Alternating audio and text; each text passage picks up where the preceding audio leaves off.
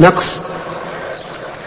نحن نقول محمد خليل الله صلى الله عليه وسلم.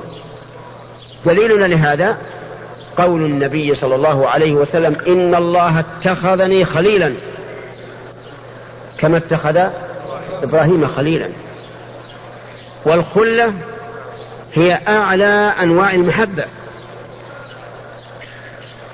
الآن المتقون يحبهم الله. قولوا نعم أو لا؟ الأخ. أنت. ماذا قلت؟ إيش؟ قلت كلمة بعدها. ما هي؟ أين سرحت؟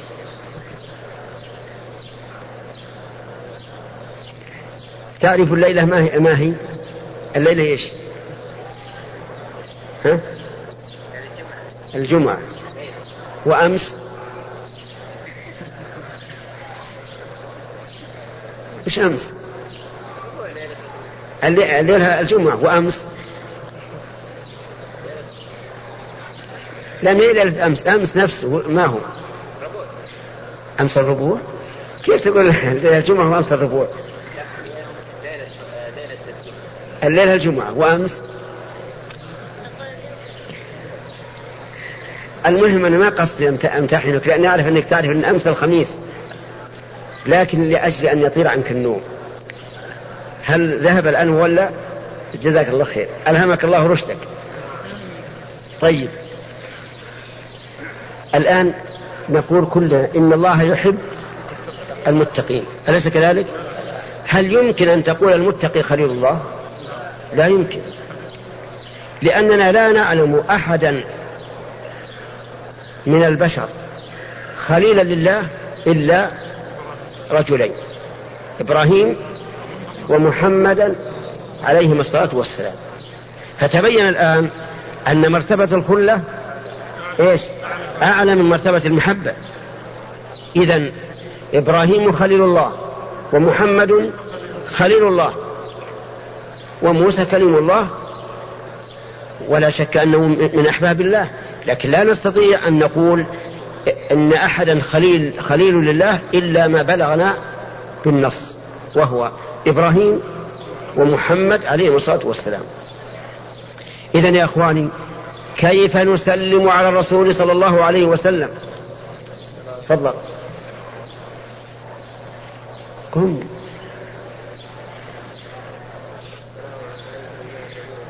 السلام عليك أيها النبي ورحمة الله وبركاته. استمع كيف نصلي عليه؟ سأل الصحابة رسول الله صلى الله عليه وعلى آله وسلم كيف نصلي عليك؟ فقال من يعرف. تفضل.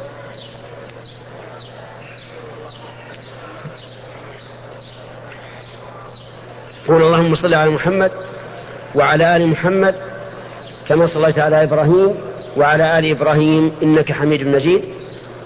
امشي. وبارك. بارك الله فيك. استمع.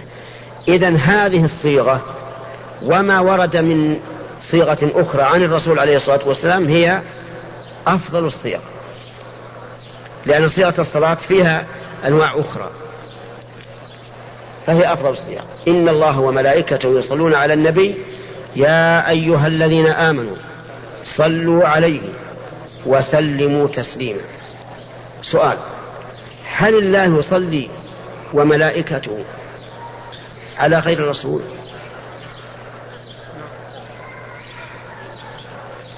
إخواننا. نعم تفضل. على من؟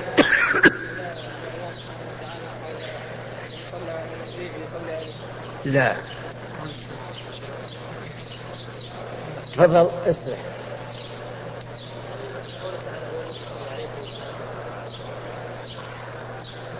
اقرأوا أول آية.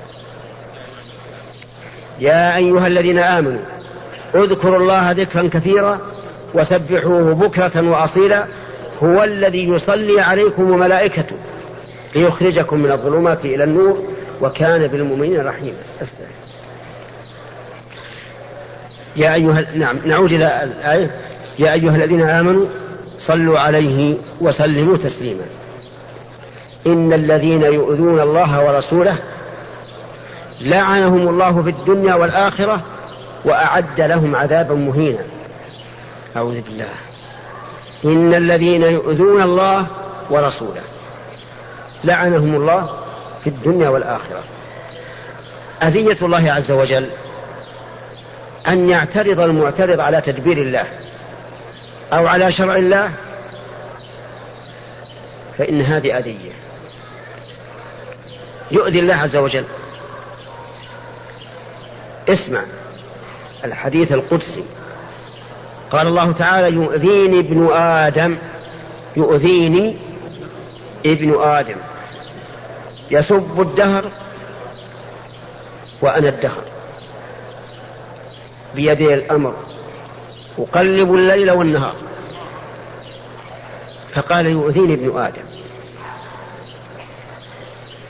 وفسر الأذية بكونه يسب الدهر. يعني ابن آدم يسب الدهر يقول هذا هذه السنة سنة شر سنة بلاء. لا يقصد الخبر لكن يقصد القدح في السنة أو هذا الشهر شهر جوع شهر خوف وما أشبه ذلك.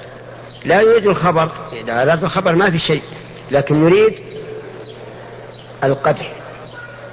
هذا يؤذي الله عز وجل. لأن الدهر هل الدهر يصرف نفسه؟ لا إله إلا الله. الدهر يصرف نفسه؟ لا. الذي يصرف الدهر هو الله عز وجل. ولهذا قال أنا الدهر بيدي الأمر.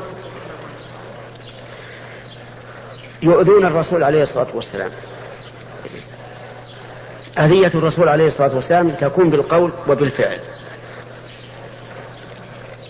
الذين آذوا الرسول صلوات الله وسلامه عليه بالقول قالوا إنه ساحر قالوا إنه كذاب قالوا إنه كاهن قالوا إنه مجنون. إلى غير ذلك من الألفاظ ألفاظ السخرية التي تتضمن أذية الرسول صلى الله عليه وسلم. آذوه بالفعل. في يوم من الأيام اسمع في يوم من الأيام. كان النبي صلى الله عليه وعلى آله وسلم ساجدا تحت الكعبة. في آمن مكان. وكان حوله ملأ من قريش. فقال بعضهم لبعض ألا رجل يأتي بسلاء جزور بني فلان؟ يعني فرثه دمه. فيضع على محمد فانتدب أشقاها. وأتى بالسلاء ووضعه على ظهر الرسول صلى الله عليه وسلم وهو ساجد. حتى جاءت ابنته فاطمة رضي الله عنها وأزالت عنه الأذى. طيب هذه أذية ولا غير أذية؟ بإيش؟ بالفعل ولا بالقول؟ بالفعل. وكذلك أيضا كانوا يلقون الأذى والقدر على عتبة بابه.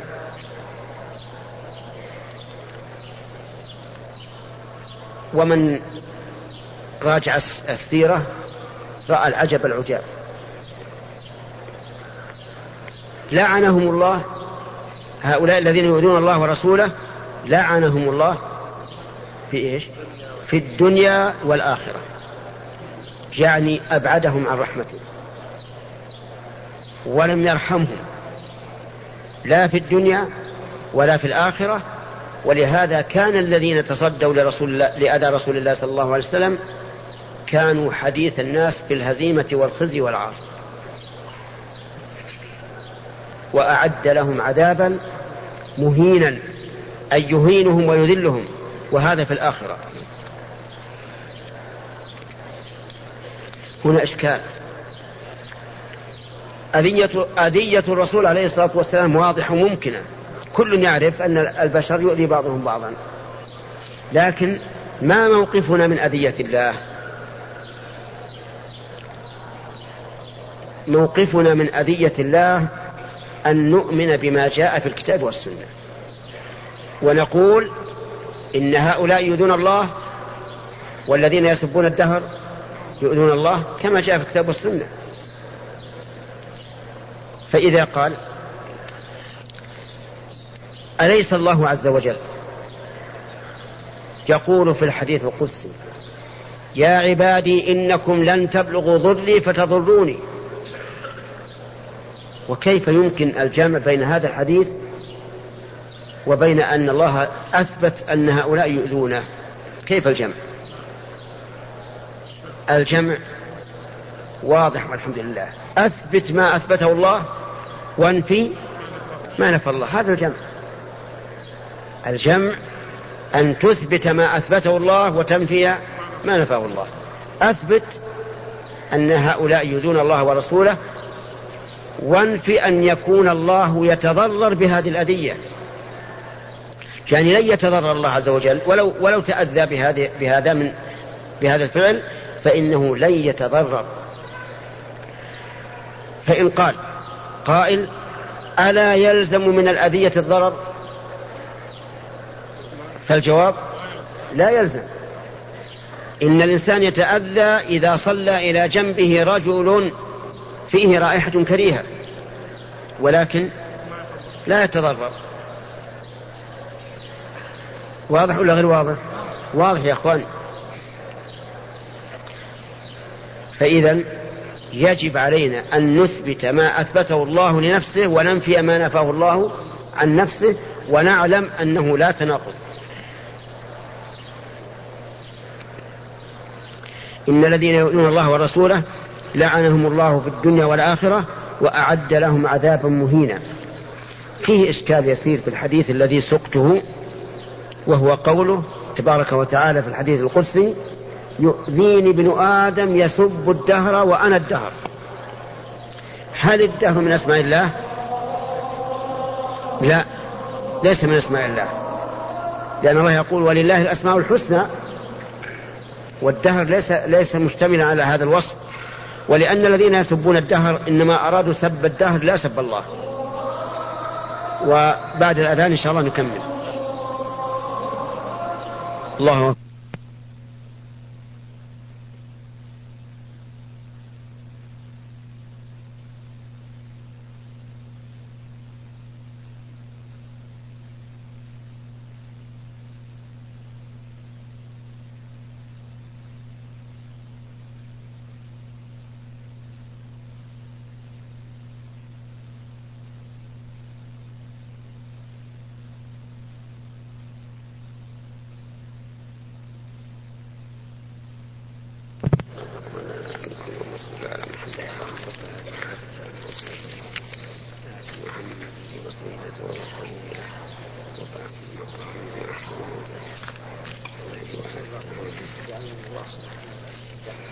اللهم اشف بلطفك مرضانا ومرضى المسلمين.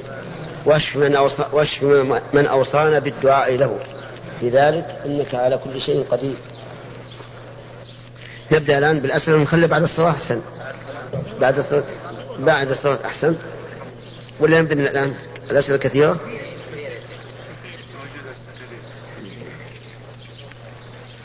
آه، قلنا إن الدهر ليس من أسماء الله. لسببين. الأول أن الله تعالى قال ولله الأسماء الحسنى. وكلمة الدهر لا تحمل هذا المعنى. ثانيا أن الذين يسبون الدهر لا يريدون سب الله وإنما يسبون الدهر نفسه يعني الزمن والوقت. فتبين أن من زعم أن الدهر من أسماء الله فقد أخطأ. نعم. الآن اسمحوا لنا أن لو ما كملنا الآية أن نبدأ بالأسئلة لأنها كثيرة. بسم الله والحمد لله والصلاة والسلام على خير خلق الله سيدنا ونبينا وحبيبنا محمد وعلى آله وصحبه ومن اكتفى أثره واهتدى بهداه إلى يوم الدين. إيه؟ طيب آه، لا, لا باقي شيء في الآية ودي أتكلم عليه. قال الله عز وجل والذين يؤذون المؤمنين والمؤمنات بغير ما اكتسبوا فقد احتملوا بهتانا وإثما مبينا. انظر الفرق بين الذين آذوا الله ورسوله والذين يؤذون المؤمنين والمؤمنات. الأولون جزاؤهم اللعنة والعذاب المهين. وهؤلاء احتملوا بهتانا وإثما مبينا. فهو أخف. الذين يؤذون المؤمنين والمؤمنات إما أن يكون ذلك بسبب من المؤمن اكتسبه فهذا لا حرج فيه وليؤذى. وإما أن يكون بغير سبب فهؤلاء هم الذين احتملوا بهتانا وإثما مبينا. مثال الأول رجل قذف رجلا. قذف رجلا بالزنا قال هذا رجل زاني. هذا القاذف يجب على ولي الأمر أن يقيم عليه الحد كم؟ ثمانين جلدة. سيتأذى بهذا. فهل إذا أقمنا الحد على هذا هل يكون سببا لأن نحتمل بهتانا وإثما مبينا؟ لا لأنه هو الذي اكتسب هذا هو الذي تسبب لنفسه إذا سرق الإنسان وتمت شروط قطع يده ثم قطعنا يده. أيتأذى أو لا يتأذى؟ عجيب يا جماعة. لا يتأذى. يتأذى أو لا؟ يتأذى لا شك. والذي تقطع اليمنى ما هي اليسرى؟ اليمنى التي هي آلة الكتابة آلة الأكل آلة العمل. الغالب أن بني آدم تكون أيديهم اليمنى هي آلة العمل. تقطع اليمنى إذا فيه أذية أذية بالغة.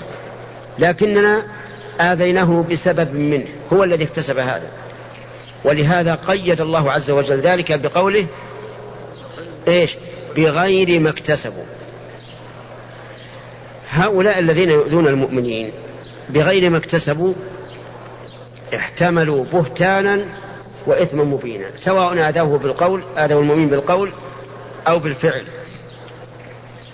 فالذي يؤذي المؤمن بالقول أن يغتابه أو يسبه يغتابه يذكره بعيب في غيبته يسبه يذكره بعيب في حضرته. هذا يؤذي والذي يعتدي على سجارته فيكسر الزجاج أو يغير البوية أو ما أشبه ذلك. يؤذي أو لا يؤذي؟ يؤذي. والذي يضع القمامة عند باب جاره يؤذيها أو لا يؤذيه؟ يؤذيه. والذي يفتح آلات له حتى حتى يضجر منها جاره يؤذيه أو لا يؤذيه؟ يؤذيه هؤلاء الذين يؤذون المؤمنين على هذا الوجه احتملوا بهتانا وإثما مبينا. ولهذا يجب علينا يا إخواني أن يتحاشى الإنسان أذية إخوانه بأي نوع من, من أنواع الأذية لا بالقول ولا بالفعل. وليعلم أنه إذا آذى أخاه المسلم فقد احتمل بهتانا وإثما مبينا. قال النبي صلوات الله وسلامه عليه والله لا يؤمن والله لا يؤمن والله لا يؤمن. قالوا من يا رسول الله؟ قال من لا يأمن جاره بوائقه وقال من كان يؤمن بالله واليوم الآخر فلا يؤذي جاره. وقال من كان يؤمن بالله واليوم الآخر فليكرم جاره. وقال إذا طبخت مرقة فأكثر ماءها وتعاهد جيرانه احذر أن تؤذي أخاك. لا بالقول ولا بالفعل حتى تسلم من احتمال البهتان والإثم المبين. بسم الله والحمد لله. فضيلة الشيخ هل ورد أن ملك الموت يسمى عزرائيل أي نعم.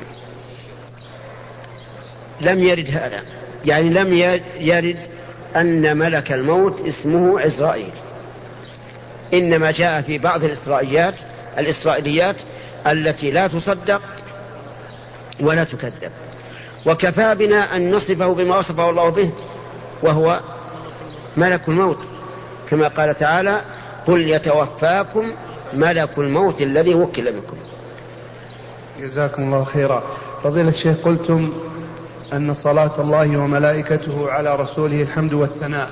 نعم. فما هي صلاة المؤمنين؟ نعم. صلاتنا عليه يعني؟ نعم.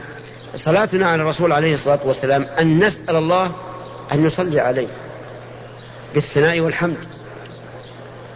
فإذا قلت اللهم صل عليه فإنك تسأل الله أن يثني على نبيه صلى الله عليه وسلم أن يثني عليه ويذكره بالصفات الحميدة.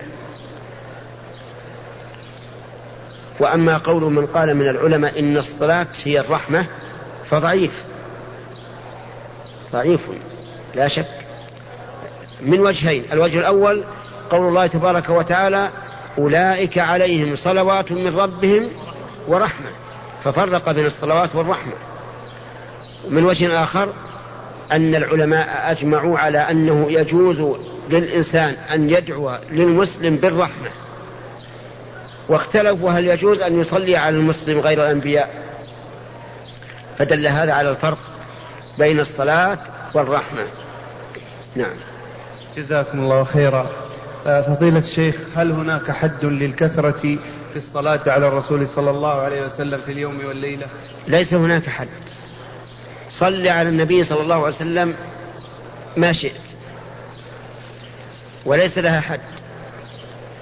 يعني لو بقيت تصلي على الرسول صلى الله عليه وعلى آله وسلم كل الوقت ما عدا ما فرضه الله عليك من من مما يجب لحق الله فإنك في خير.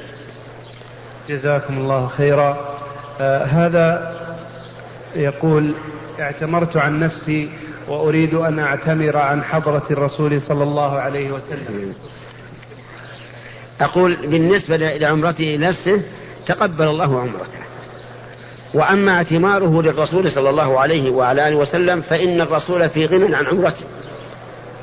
في غنى عن عمرته. لأنه ما عمل أحد عملا صالحا إلا كان للرسول صلى الله عليه وعلى آله وسلم مثل أجره. أليس كذلك؟ كل من دل على خير فله مثل أجر فاعله. ونبينا صلى الله عليه وعلى آله وسلم دلنا على كل خير. إذا إذا اعتمر لنفسه هل يكتب للرسول عليه الصلاة والسلام مثل أجره؟ يكتب. إذا ليش لماذا تحرم نفسك أجر العمرة الثانية والرسول صلى الله عليه وسلم سيحصل على أجرها؟ واضح يا جماعة؟ هذا واحد. ثانيا هل أنت أشد حبا للرسول عليه الصلاة والسلام من أبي بكر وعمر وعثمان وعلي والصحابة؟ عجيب. لا لا. هل كانوا يعملون العمل الصالح ويقولون هو للرسول لا. أنا أقول لا ومن كان عنده إثبات فليثبت. ما عملوا. إذا كان كذلك فليسعك ما يسعهم. وعسى أن تحقق التأسي التأسي بهم. نعم. جزاكم الله خيرا. سائل يقول فضيلة الشيخ هل للرضاعة سن؟ وقفنا على الرضاعة؟